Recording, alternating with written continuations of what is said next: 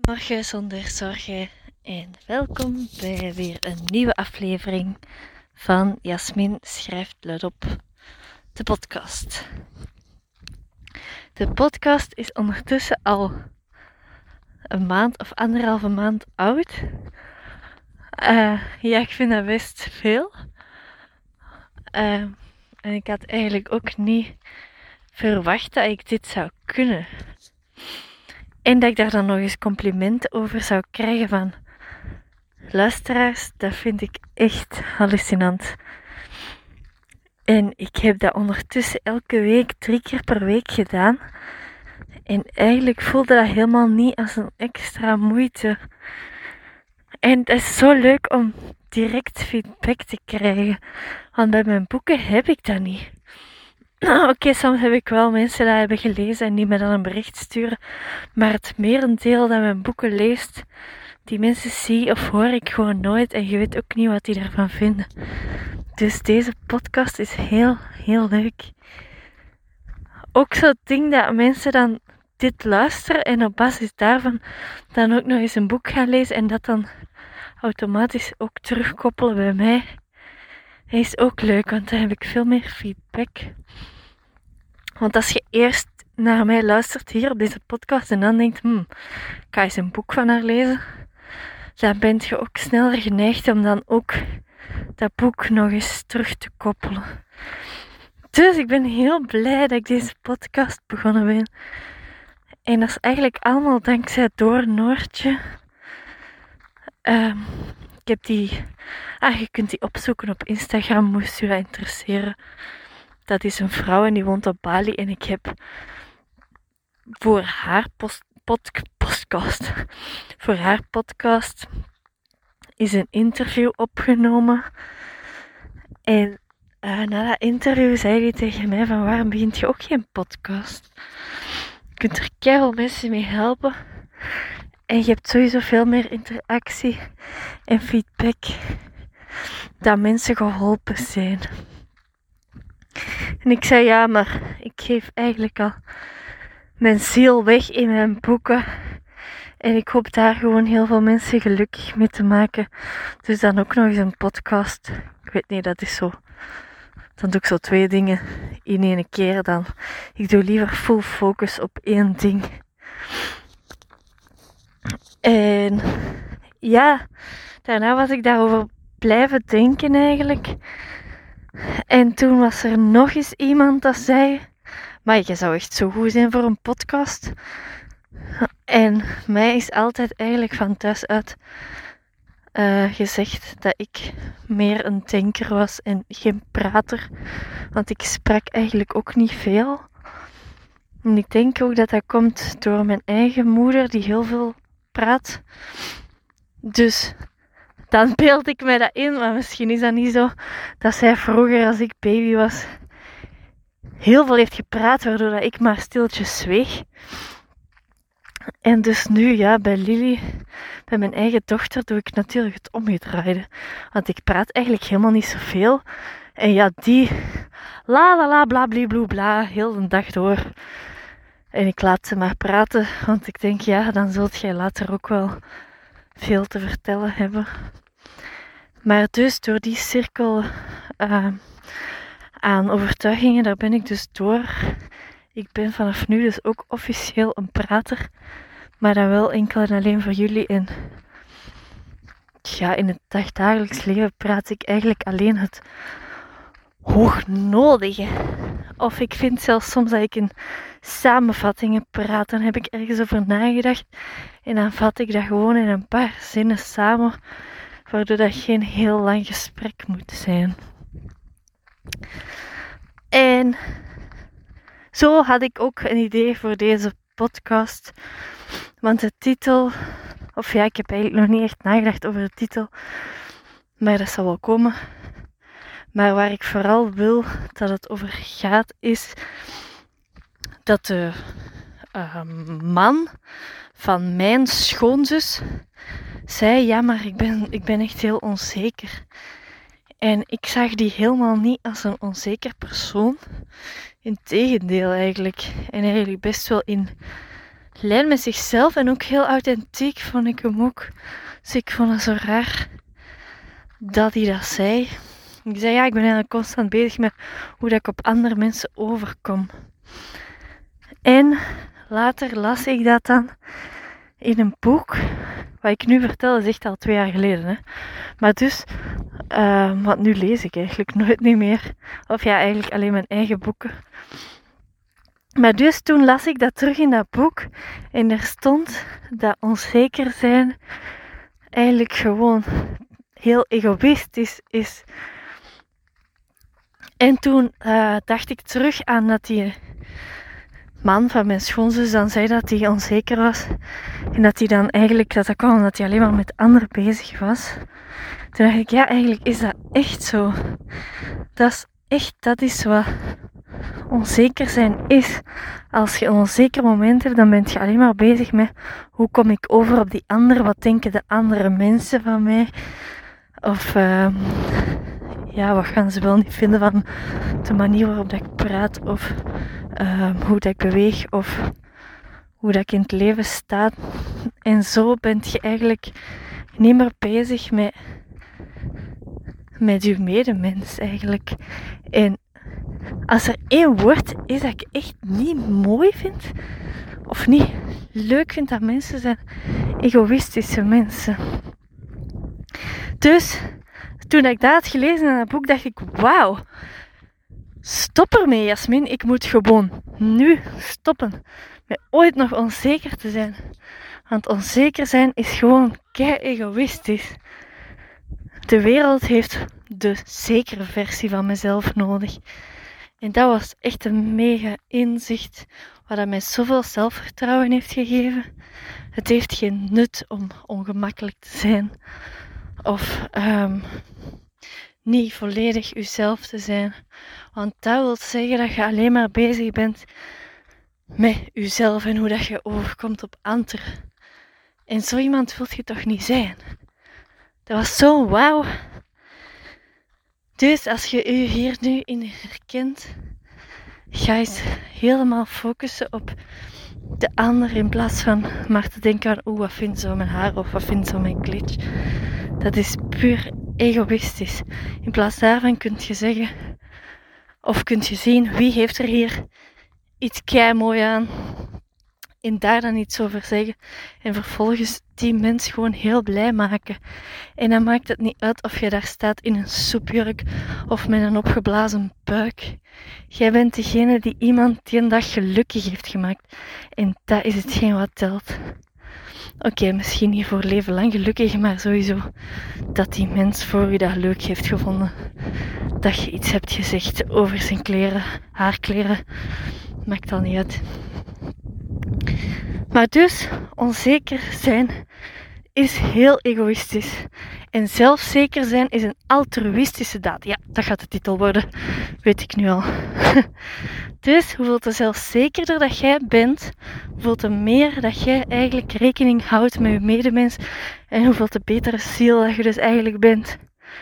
Dus ga alsjeblieft je zelfzekere versie zijn van jezelf, want die heeft de wereld echt, echt nodig. En dat kunt je doortrekken op alles in je leven. Uw zelfzekere versie op uw werk, in uw relatie, voor uw kinderen. Er is echt niemand gebaat bij dat je onzeker bent. Hè? Want ja, als je onzeker bent, zit je gewoon in een soort van angstmodus. En dan kun je natuurlijk altijd zo, dat is zo'n typische vraag die iedereen wel kent. Wat is het ergste wat er kan gebeuren?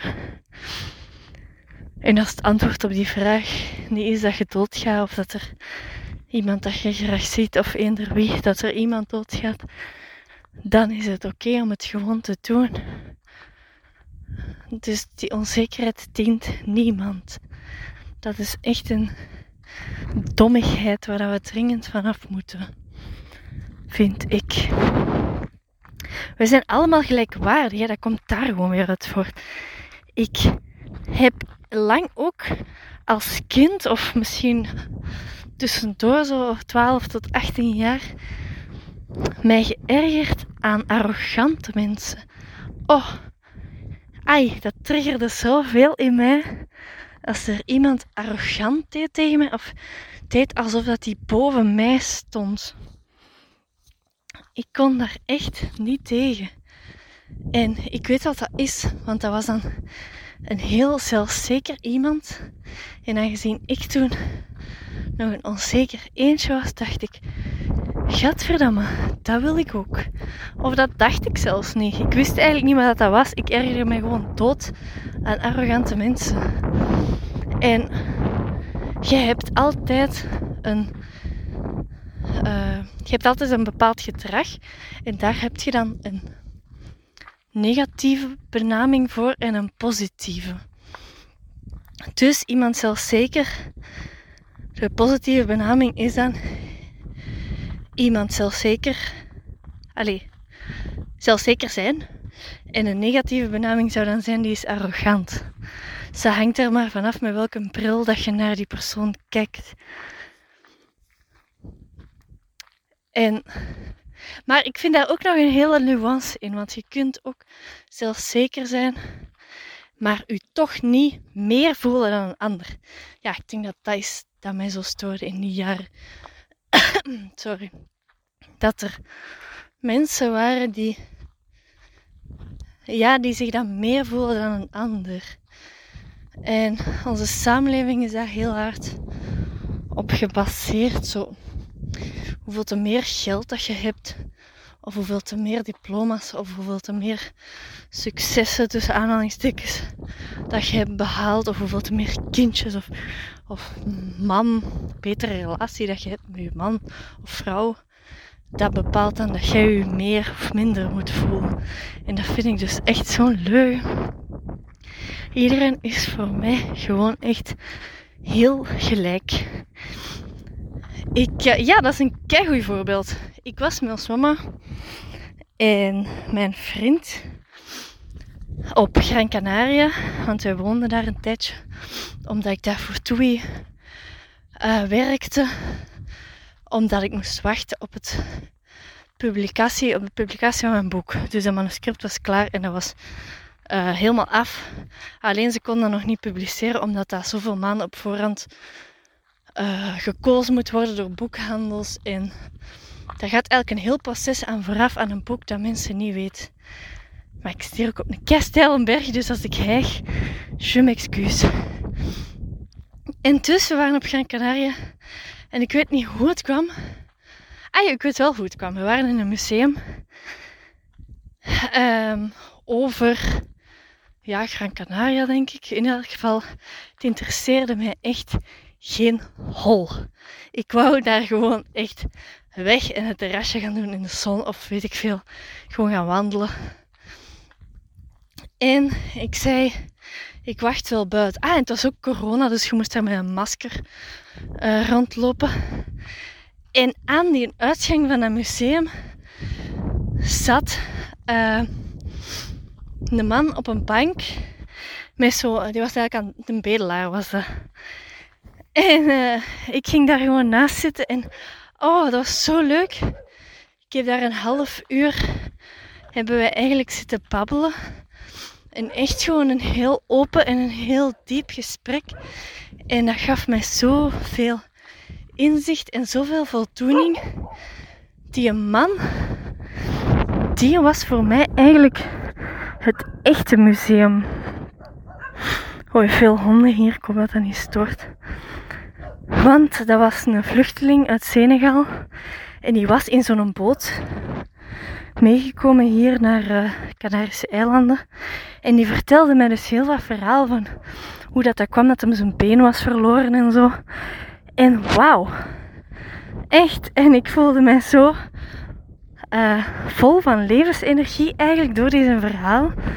Dat toen een half uur later dat ons mama en mijn vriend dan terug uit dat museum kwamen, dat ik dacht van wauw, mijn museum was echt tien keer meer waard dan uh, waar dat jullie geweest bent. En uh, dan waren die ook zo alle twee van, oh nee, je praat toch niet, ben je nu, ja, ik wil dat hier niet eigenlijk zo hard benoemen in die podcast, maar ja, zo ging het wel. Die waren echt heel aangedaan dat ik met die mens aan het praten was. En uh, ja, eigenlijk een beetje zo van, oh nee, naïeve Jasmin, wat zit je daar op een bankje met zo'n vreemde man te praten. Al goed dat we op tijd zijn teruggekomen. Zo van die opmerkingen denk ik dat het waar. Maar ja, dat is natuurlijk mensen die mij graag zien, dus die willen mij beschermen. Vind ik helemaal niet erg. Maar ik had wel, ik was helemaal high eigenlijk van het gesprek. Omdat je dat zo leest op nieuws. En toen zag ik dat, ik had echt een, een echt gesprek met iemand dat het echt had meegemaakt ik voelde me echt een uh, journalist ter plaatse of zo. En het moet nu lukken dat wij echt een week of twee geleden hier zo'n vluchtelingenbootje zagen aankomen op strand. Met dan klein kindjes in. En die hebben dan een kei dikke winterjassen aan. Want volgens mij kan het best wel koud zijn op zee. Hoewel dat hier nu totaal niet koud is. Ik loop hier nu in een kort kleedje. Maar dus, uh, ik, wij waren er echt niet goed van. Of ik was er toch echt niet goed van. Want ik was eigenlijk een zak chips aan het eten en ik ben gewoon gestopt met eten. Omdat mijn maag gewoon zei van, oh, uw honger is over. En ook gewoon met die mensen zo in het echt te zien en hoe blij dat die waren, hoe opgelucht. En aan de ene kant was dat ook echt onbegrijpelijk dat er dan mensen zijn dat dat in vraag stellen of dat die wel echt in nood zijn en dat die dat niet gewoon doen omdat het makkelijk is. Want zoiets, als je hier de golven soms ziet, sorry, dat doet je echt niet om te lachen. Je springt echt niet zomaar op zo'n boot. En die mensen betalen keihard geld, smokkelgeld dan eigenlijk, om naar hier te komen. Dus ja, ik vind, ik geloof dat eigenlijk niet dat je dat doet. Tussen aanhalingstekens om te lachen. Niemand riskeert zijn leven zo in een bootje. Maar dus, uh, die man die op die bank zat, die vertelde mij alles zo open en zonder remming, dat ik gewoon wist, wauw, jij bent verre van een egoïst. Want jij bent niet aan het nadenken met hoe dat je verhaal overkomt op mij. Je vertelt gewoon puur en eerlijk hoe dat het echt is gegaan. En het kan je niet schelen wat ik daar vervolgens van denk. Want die mensen weten ook wat voor vooroordelen dat wij soms hebben over mensen die in zo'n bootje springen. En dat, toen, op die moment dacht ik ook nog eens terug aan wat ik had gelezen Dat, wat ik net zei, dat egoïstisch zijn. Je kunt dat eigenlijk ook omdraaien. Hè? Wat ik net per ongeluk zei. Van egoïstisch zijn. Als je voelt dat je egoïstisch aan het handelen bent, dan weet je, dan kun je van jezelf doorhebben dat je in een angst zit. Want angstige mensen, dat zijn mensen die egoïstische dingen doen. En mensen die echt zelfzeker zijn en met vertrouwen in het leven staan, die gaan automatisch meer aan anderen willen geven dan dat ze van iemand anders wegnemen. Dus dat kan ook, je kunt dat omdraaien ook. Dus je kunt het eigenlijk in twee richtingen gebruiken. En ja, moest je nu iemand zijn dat ook een afkeer heeft van egoïstische mensen, dan gaat u dat zwart dienen. Want elke keer als je gaat denken, oh ik ben onzeker of uh, ik ben angstig, dan moet je denken, oh nee, ik, ben al, ik ga nu egoïstisch beginnen zijn. Dus dan kun je dat veel rapper omdraaien. Want de, zoals ik net zei, de wereld heeft de zelfzekere versie van u nodig. Niemand heeft er iets aan dat je onzeker bent. Jij niet, uw moeder niet, uw familie niet, uw vrienden niet, uw partner niet, uw kinderen niet. Niemand. Niemand is daarbij gebaat. Niemand. Dus de volgende keer dat je onzeker bent, kunt je automatisch denken: oh no, ik ben egoïstisch. Dat wil ik absoluut niet zijn. Want er is zo'n ding over onzeker zijn, dat vinden wij op een of andere manier niet erg. als iemand tegen u zegt, ja, maar ik ben onzeker, dan te zeggen, oei, oei, en uh, oh arme, en uh, ja, daar kunt je dit en dit misschien wel voor doen. Maar als er iemand tegen u zegt, ja, ik ben een dikke egoïst, dan gaan mensen echt zeggen, oh nee, wat de hel, wat zegt hij nu? dus daar zit een veel hardere lading op. Dus als je dat aan elkaar kunt koppelen, dat egoïsme en onzeker zijn eigenlijk hetzelfde is, dan gaat je in no time van je onzekerheid van af zijn. En dan gaat de zelfzekere versie van je naar boven komen. En dat is de versie die je moet hebben. Want die ben ik gaandeweg verloren geraakt. En nu heb ik die driedubbel en dik teruggevonden. En dan pas kun je de wereld echt een mooiere plek maken. En dat willen wij tenslotte toch allemaal. Zo, dat was hem. Ja, dat was een mooie eindnoot. Ik hoop dat je er iets aan hebt gehad. Of dat mijn stem u misschien heeft ontspannen. Alhoewel, ik ben wel aan het wandelen dus. Maar ik hoop in ieder geval dat je steun kunt vinden in mijn tips. En moest dat zo zijn, laat het mij vooral weten. En moest je mij nog geen sterren hebben gegeven op Spotify, doe dat dan alsjeblieft dan wordt mijn podcast alleen maar groter en kunnen we nog meer mensen helpen. Dankjewel.